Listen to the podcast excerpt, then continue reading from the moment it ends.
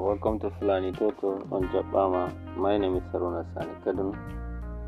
So this is episode 8 on my podcast that explaining the fulful day made easy that is fulani language made easy. Today i will continue from chapter 4 uh, ah, sorry from chapter 3 so chapter 3 conversation that is at school. hashim assalamu aleykum horejo jangirde wa aleykumussalam nattoy ɗum moye? Hashim ɗum hashim i arɗo langay horejo jangirde ha ɗo korowal joɗa hashim to mi yettima allah reni. baccel gaddumi ha ɗo jangirde. Ha ɗo jangirde aran. Horejo jangirde noye duuɓi maako. Hashim lutti lebbi jowi mo hewta duuɓi joweeɗiɗi horejo jangirde ha ɗo ngol ɗerewol. Hebbingol nden gartirangol jangol subaka o e jango bindi. Hashim ɗe goni nyalaɗe jangirde nden horejo jangirde lutti asawe e alad nder asawere hashim mi yettima ma yewtake orejo jangirde inma mi yetti Imam yettima So exercise. Divide the conversations following. So exercise. Divide the conversation by filling the gaps provided. Number one. ɗum Hashim dash dash langai. Hado dash dash joɗa baccel am dash dash jangirde. Lutti duuɓi dash dash mo hewta duuɓi dash dash.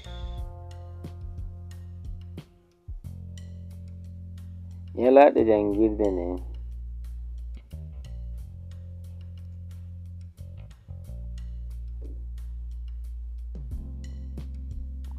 altine dash dash alarba almahisa dash dash. Asawe e alad wala dash dash dash. So in this conversation so the conversation is at school as i stated. So it's between the headmaster and hashim. Hashim is the one that came to the headmaster in his office and seek permission after greeting like this. Assalamu alaikum and he greet and the reply is wa alaikum assalam. Nattoy dumoy enter who are you? Hashim and Hashim said dum Hashimu bi arɗo langay o ɓiɗɗo arɗo langay it is hashim the son of uh, langay arɗo. Horejo jangirde that's the headmaster. Ha ɗon korowal joɗa. Have a seat. En hashim mi yettima an thank you. Ala rene. baccel am gaddumi haa ɗo janngirde aran. Sir it is my child i brought here in primary school. I brought here primary school for him to seek admission. So horejo janngirde noye duuɓi maako how old is he? In hashim lutti lebbi jowi mo hewta duuɓi joweeɗiɗi so remain five months for him to, uh, to reach seven years. Janngirde hoorejo jangirde haa ɗo ngol ɗerewol hebbin. Hebbingol nden gartirangol jaango bimbi. So take this form fill it and return it tomorrow morning. so Hashim ɗe goni nyalaɗe jangirde nden. When how, uh, which days are for the school? An horejo jangirde so uh, the headmaster said days of the classes. Lutta asawe e aladder asawere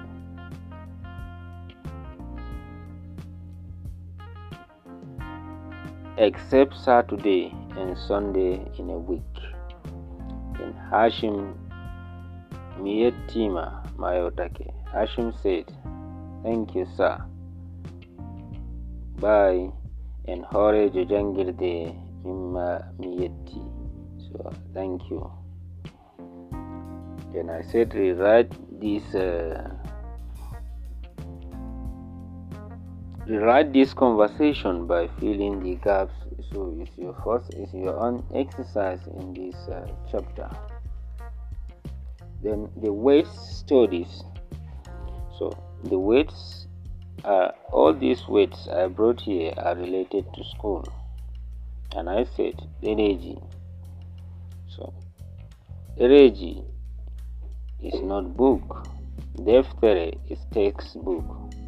Bindirgol use a pen or pencil. Jangirde is school. Mallumjo is a teacher. Goggirdum dosta.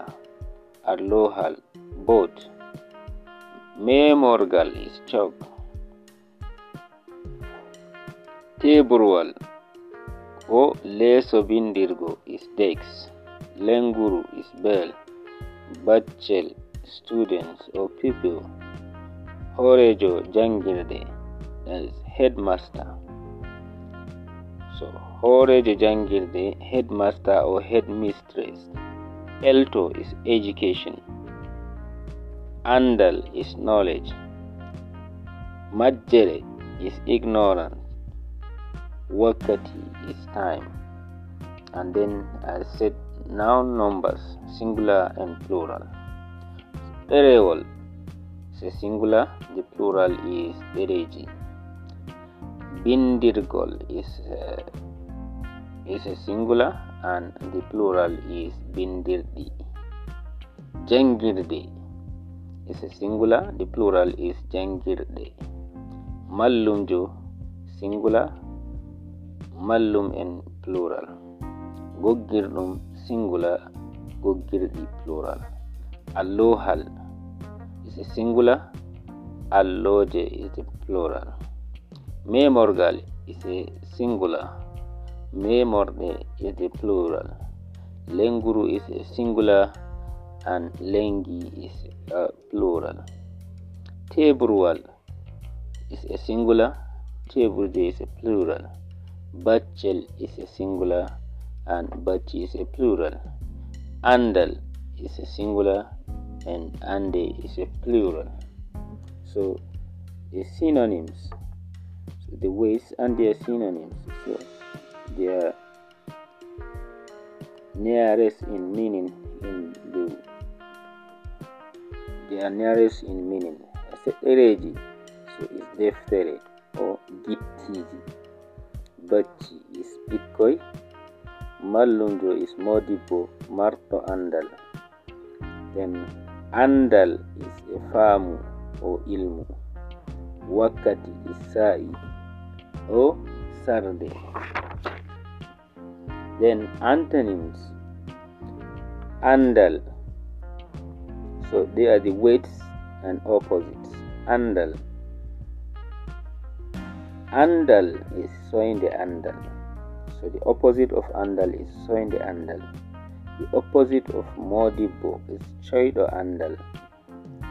Bacci is mauɓe then The last one is the counting from 21 to 30. So the first, uh, uh, and, uh, sorry, I said English in full folding. Chapan ɗiɗi e go'o that is 21. Chapan ɗiɗi e ɗiɗi 22. Chapan tati e, sorry, chapan ɗiɗi e 30, 23. Chapan ɗiɗi e nayi 24 capanɗe ɗiɗi e jowi 25 capanɗe ɗiɗi e joweego'o 26 capanɗe ɗiɗi e joweeɗiɗi 27 capanɗe ɗiɗi e jowetati 28 capanɗe ɗiɗi e joweenayi 29 and capanɗe tati is 30 so we are going to stop here.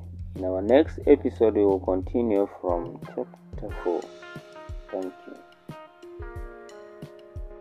hello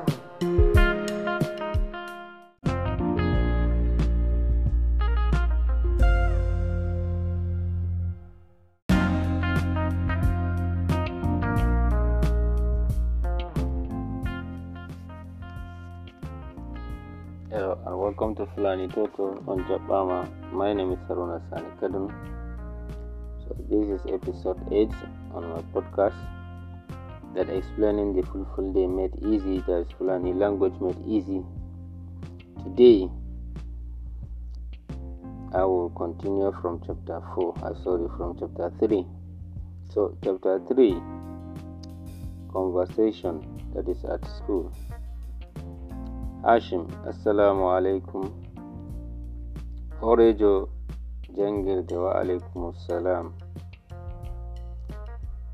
nattoy ɗum moye hashim ɗum hashim i arɗo langay. Horejo jangirde ha ɗo korowal joɗa. Hashim to mi yettima allah reni baccel gaddumi ha ɗo jangirde. Haɗo jangirde aran. horejo jangirde noye duuɓi maako. Hashim lutti lebbi jowi mo hewta duuɓi joweeɗiɗi horeejo janngirde haa ɗo ngol ɗerewol hebbingol nden gartirangol jaangol subaka o e jango bindi Hashim ɗe ngoni nyalaɗe jangirde nden horejo jangirde lutti asawe e alad nder asawere ashim mi yettima ma yewtake horejo jangirde imma mi yetti imma mi yettima so exercise to write the conversations following. So exercise rewrite the conversation by filling the gaps provided. Number one, ɗum hashim dash dash langay. Haa dash dash joɗa. Baccel am dash dash jangirde. lutti duuɓi dash dash mo hewta duuɓi dash dash. Nyalaɗe jangirde nden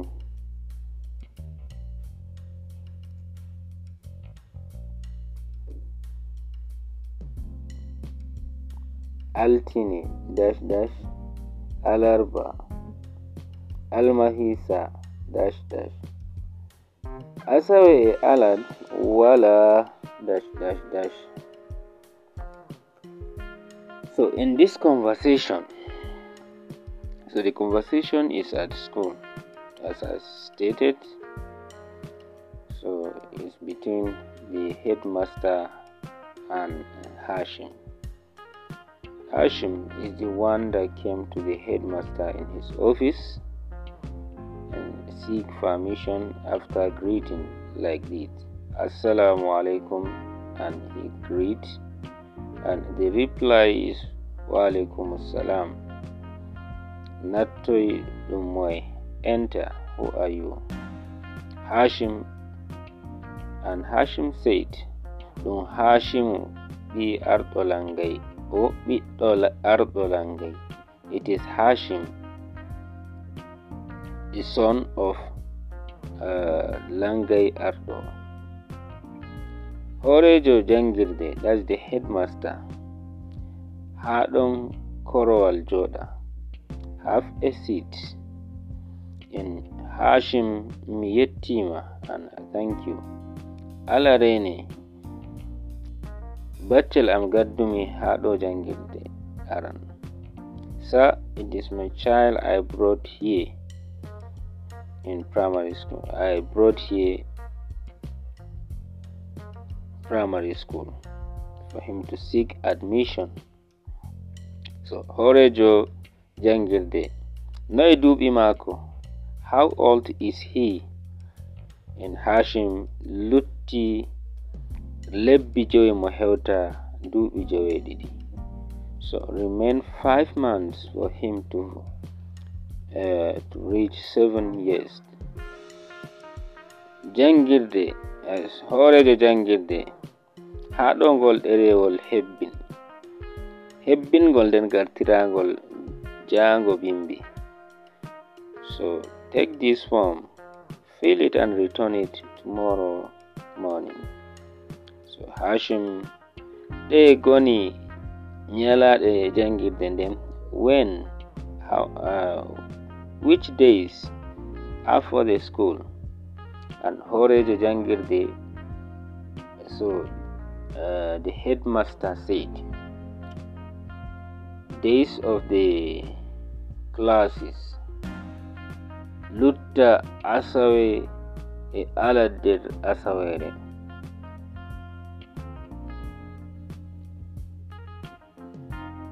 Except saturday and sunday in a week. in hashim mi yettima mayotake. Hashim said thank you sir. Bay en hoorejo jangirde mimma mi yetti. So thank you. Then i said rewrite this uh, rewrite this conversation by filling the gaps so it's your first is your own exercise in this uh, chapter then the weight studies. So the weights uh, all these weights i brought here are related to school. And i said energy. So energy is not book. Deftere is textbook. Bindirgol is a pen or pencil. jangirde is school. Mallumjo is a teacher goggirɗum dosta allohal boat memorgal is chalk teburwal ko leeso bindirgo is dex. Lenguru is bell. Baccel students or people. Horejo jangirde as headmaster. horejo jangirde headmaster o headmistress. Elto is education. Andal is knowledge. Majjere is ignorance. Wakkati is time. And then i said noun numbers singular and plural. Ɗerewol se singular the plural is ɗereji bindirgol is uh, is a singular and the plural is bindirɗi. Jangirde is a singular the plural is jangirde. Mallumjo singular mallum en plural. Goggirɗum singular goggirɗi plural. Allohal is a singular alloje is a plural. Memorgal is a singular. Memorde is a plural. Lenguru is a singular and lengi is a plural. Teburwal is a singular. Teburje is a plural. Bachel is a singular and bachi is a plural. Andal is a singular and ande is a plural. So the synonyms, so the ways and their synonyms. So their nearest in meaning in the their nearest in meaning. Seɗɗereji so is deftere o gittiji. Bacci is ɓikkoy mallumjo is modibbo marto andal. Then andal is e faamu o ilmu. Wakkati is sa'i o sarde. Then antonyms andal. So they are the weights and opposites. Andal. Andal is sowing the andal. So the opposite of andal is sowing the andal. The opposite of modibo is choido andal. bacci is maupe. Then the last one is the counting. from 21 to 30 so the first uh, uh, and uh, sorry i said english in full folding. Capanɗe ɗiɗi e go'o that is 21 capanɗe ɗiɗi e ɗiɗi 22 capanɗe tati e sorry capanɗe ɗiɗi e tati 23 capanɗe ɗiɗi e nayi 24 capanɗe ɗiɗi e jowi 25 capanɗe ɗiɗi e joweego'o 26 capanɗe ɗiɗi e joweeɗiɗi 27 capanɗe ɗiɗi e joweetati 28 capanɗe ɗiɗi e joweenayi 29 and capanɗe tati is 30 so we are going to stop here. In our next episode we will continue from chapter 4 thank you.